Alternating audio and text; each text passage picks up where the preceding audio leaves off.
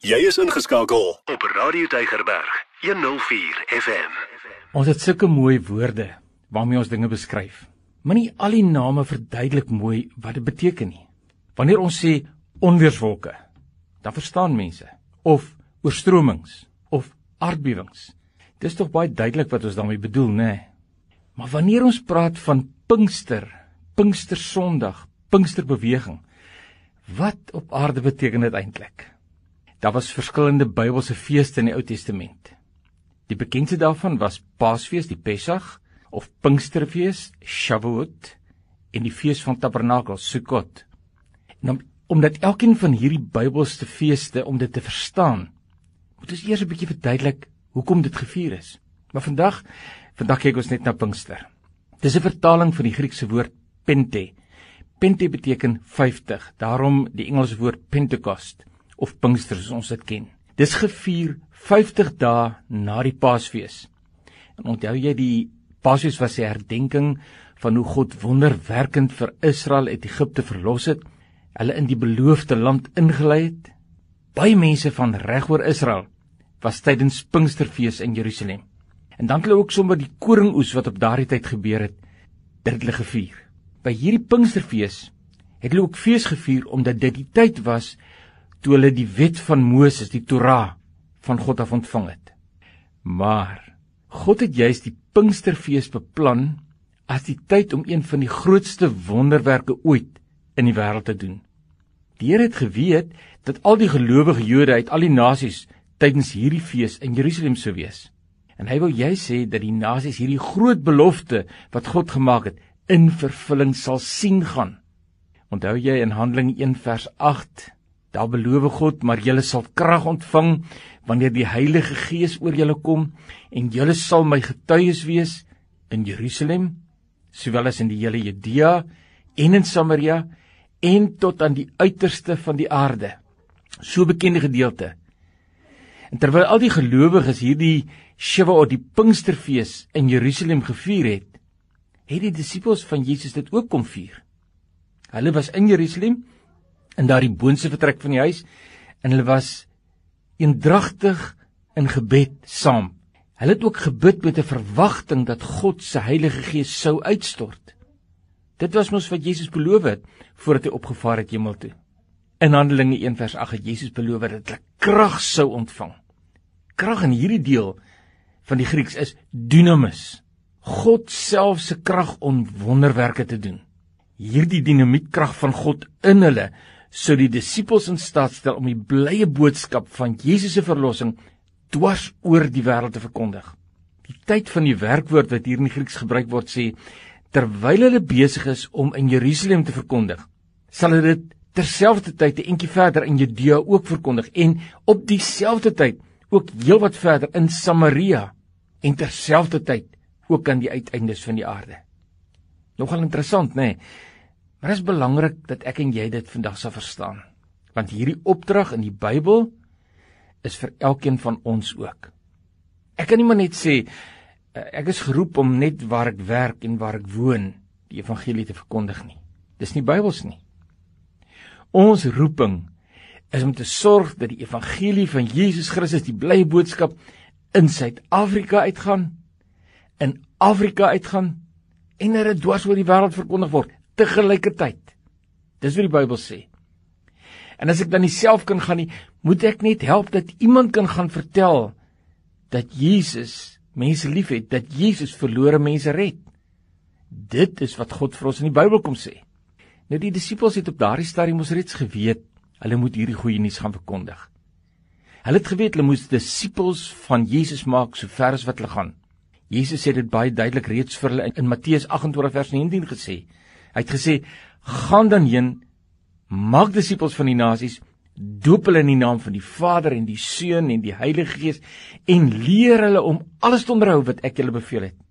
En kyk, ek is met julle al die dae tot aan die volëinding van die wêreld." En hierdie kyk ek is met julle het eintlik 'n werklikheid geword toe Pinkster gebeur het. En hulle het geweet elkeen vir wie hulle by Jesus uitgebring het, moes geleer word om weer vir ander te vertel. En dis nie net 'n lesing gee nie. Hulle moes saam met daardie persoon loop. Hulle moes vir daardie persoon wys wat dit beteken om te bid, om die Bybel te lees, om in die krag van God te leef elke dag. En dan hierdie nuwe gelowiges moet weer uitgaan en hulle moet geleer word om vir ander gelowiges te vertel presies dieselfde sodat hulle weer in staat sou wees om aan ander te gaan vertel. So die disippels het hierdie ding verstaan omdat Jesus vir amper 3 jaar saam met hulle so geloop het. En nou is hulle gereed om dit te gaan oordra.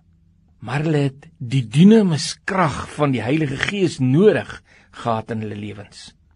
Want jy sien, sonder God se krag kan ek en jy dit nie doen nie. En dis die wonderlike ding wat hier in Handelinge 2 gebeur het. Kom ons lees dit. Handelinge 2 vers 1 tot 6.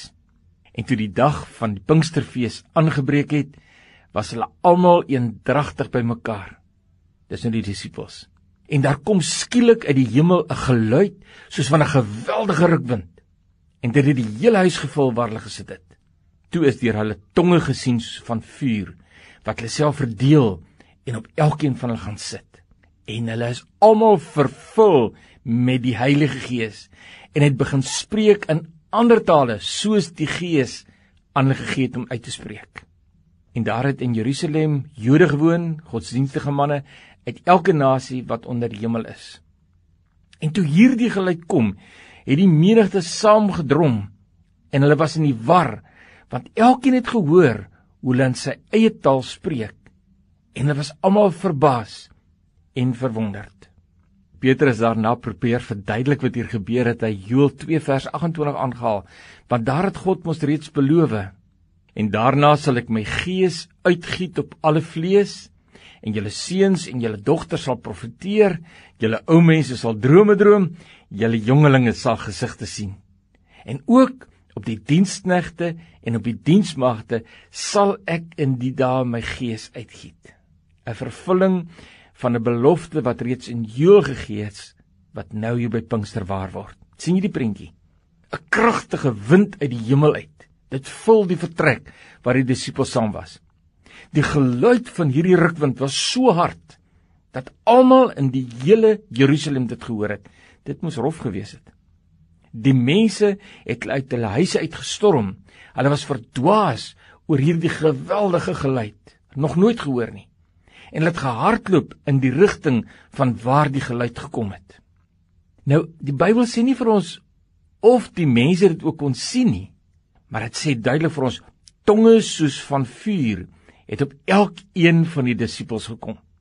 Die wind en die vuur, dit was die uiterlike tekens van wat binne in elke disipel gebeur het. Deur die wind en deur die vuur het God self sy Heilige Gees binne in elke disipel kom plaas. Hulle lewens was nooit ooit weer dieselfde nie. Het jy ooit gewonder hoekom die geluid van 'n magtige wind? Die Hebreëse woord vir wind is ruach en is dieselfde woord wat gebruik word wanneer die Bybel praat van Heilige Gees. Die Heilige Gees, Gees ruach van God. Onthou jy Johannes 3 vers 8, die wind waai waar hy wil. Jy hoor sy geluid, maar jy weet nie van waar hy kom en waarheen hy gaan nie. So is elkeen wat uit die roog uit die gees gebore is. So hierdie uitstorting van die roog, die uitstorting van die Heilige Gees van God is aangekondig deur die geluid van 'n magtige wind wat in elkeen van Jerusalem gehoor kan word. Selfs vandag nog Baie keer wanneer ons mense bedien, is daar 'n wind van die Heilige Gees teenwoordig. Vra gerus vir Angus Bakking hoe God met wind sy saamtrekke bekragtig het. Ons het in Nairobi in Kenia gaan bid vir 'n jong vrou wat 'n baie groot hartsiekte gehad het. En omdat sy nie kon beweeg nie, het ons opgegaan na haar woonstel toe. En al die vensters in die woonstel was dig toe. Maar die oomblik toe ons bid, het daar skielik 'n kragtige rukwind in die woonstel gewees. Almal van ons het gevoel. Die sitkamer se deur het toegeklap. Ons het onmiddellik geweet dat dit die wind van die Heilige Gees was, as 'n teken dat God hierdie vrou kragtig aangeraak het. En hoekom dink jy het God vuur op die disippels geplaas toe hy sy Heilige Gees uitgestort het? Ons weet mos in die woord vuur is 'n simbool van God se teenwoordigheid. Toe Israel deur die woestyn getrek het, het God elke aand 'n kolom van vuur by die kamp geplaas om te sê ek is by julle. En natuurlik gebruik God ook vuur om ons te reinig van sonde. God het in die Bybel beloof Jesus sal julle doop met die Heilige Gees en met vuur. Matteus 3 vers 11. En ek het baie lank hiervoor gebid en op 'n dag was ek by 'n groot konferensie. En so aan die einde van die konferensie se kant het God my gedoop met vuur. Dis 'n onvergeetlike belewenis.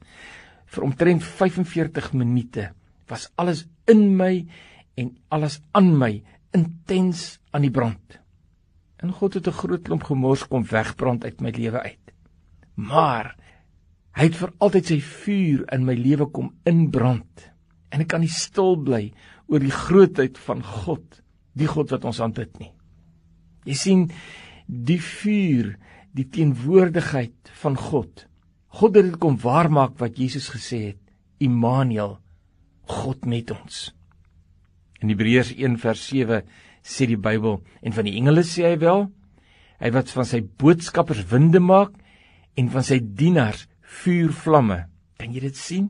Hierdie engele vol vuurvlamme?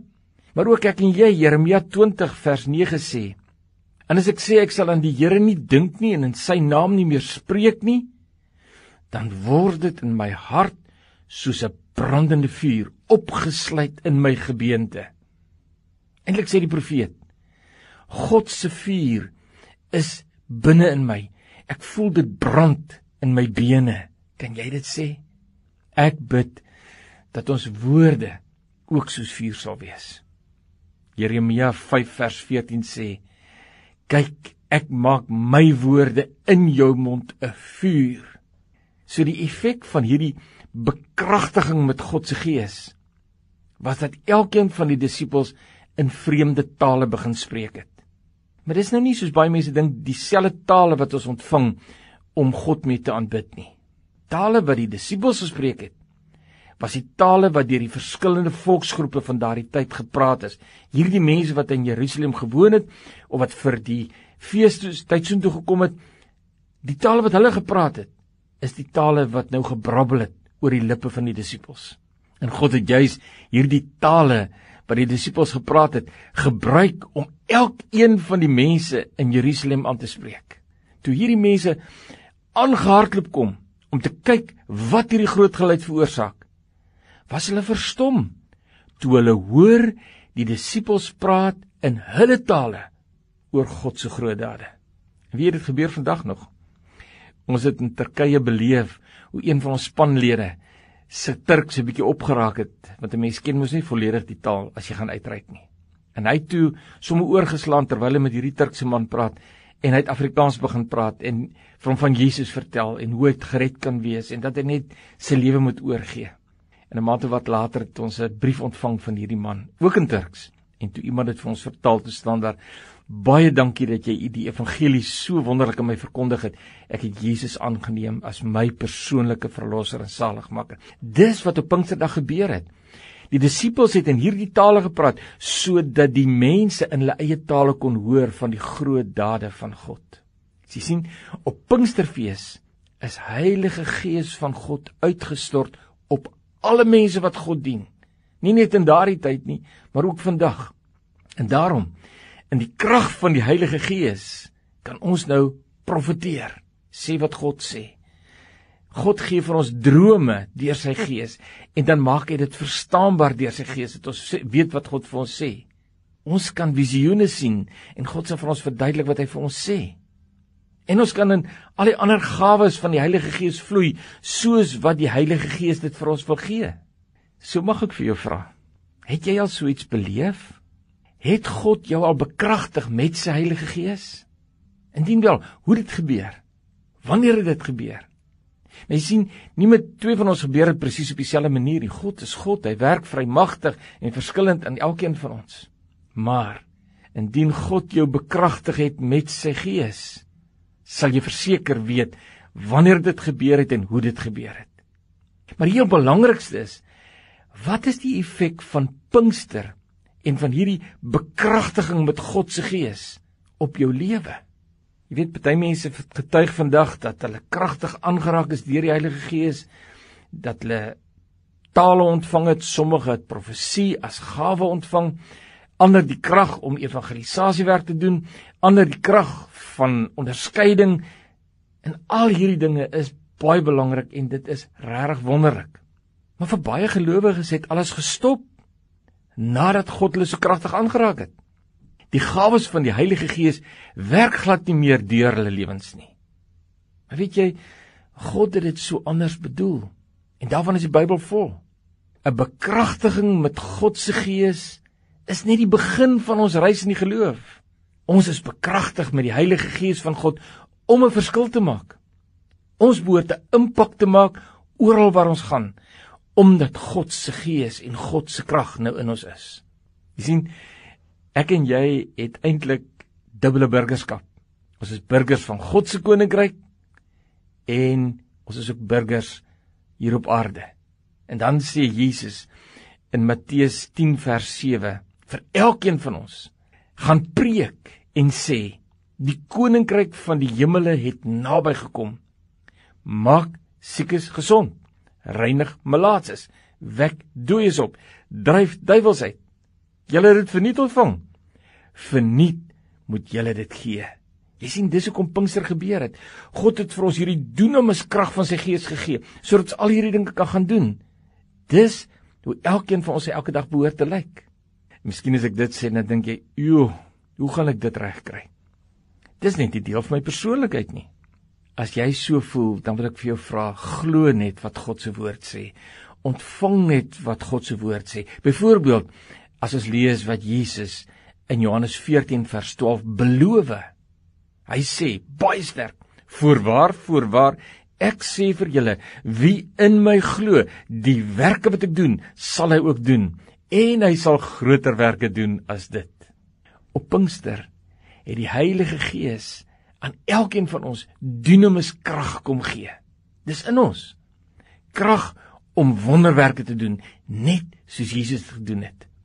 En oral waar ons gaan, kan ek en jy hemel aarde toe bring. Is dit nie wonderlik nie? Is dit jou leefstyl? Om oral waar ons gaan Jesus te verkondig. Maak jy in God se krag siekes gesond. Wek jy dooies op. Dryf jy duiwels uit. Die oomblik toe jy kind van God geword het, het God vir jou hierdie krag gegee om al hierdie dinge te doen. En baie keer vra God ook dat ons ander dinge vir hom sal doen. So ek en jy moet maar net luister wat Heilige Gees vir ons sê en net gehoorsaam wees. As Heilige Gees sê, gaan vertel vir jou buurman hoe lief ek hom het. Dis dit die opdrag. Jy sal weet. Of dalk gaan koop vir daardie ou tannie kruideniersware hierdie maand. Of gaan bid vir daardie siek persoon. Is jy bereid om dit te doen? Dis avontuur wat vir ons wag in die gees van God as ons sien hoe hy wonderwerke deur ons doen. 'n Tydjie gelede het 'n vriendin van ons die oggend tyd met die Here gespandeer en sy het vir die Here gesê: "Ag, Here, gebruik my asseblief." En net as sy amen sê, toe ontvang sy 'n oproep. En dis die vroutjie wat by haar werk in die huis. Daai vroutjie was baie arm, sy is vandag nog arm. Sy woon in 'n sinkhuis in 'n plakkersgebied. Sy het absoluut niks nie.